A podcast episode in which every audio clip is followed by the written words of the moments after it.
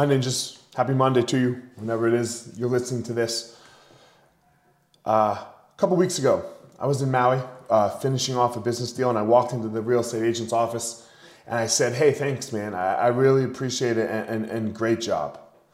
And everyone in the office looked at me and was like, Hey, Elliot, the, the deal's not done yet. And I said, I know, you're right. And, and that's okay. But we can separate the work from the result.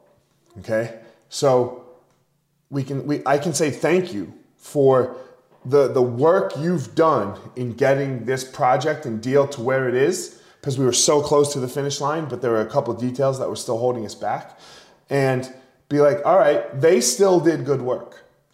Right? Everyone still did good work. It doesn't just let's say the deal falls through or whatever. It doesn't mean that, that the people who are working on the project didn't do good work. So sometimes we have to make our satisfaction the work.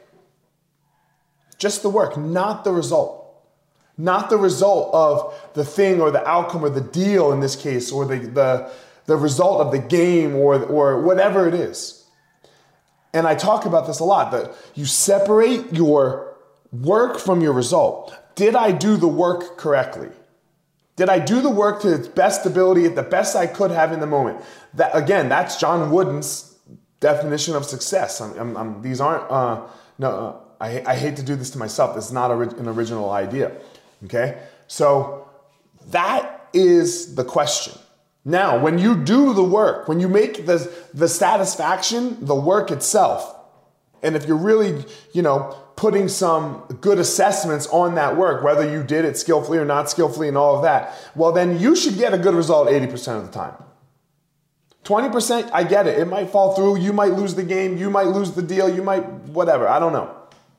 But 80% of the time, it should work out. It should work out in your favor. We're separating the work from the result and we're making the satisfaction of with ourselves the work, not the result. Not the result.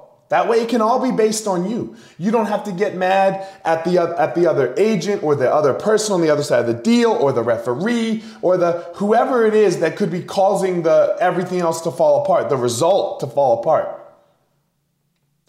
Make the satisfaction to work so you discover your passion, find your power, and give your purpose to the world.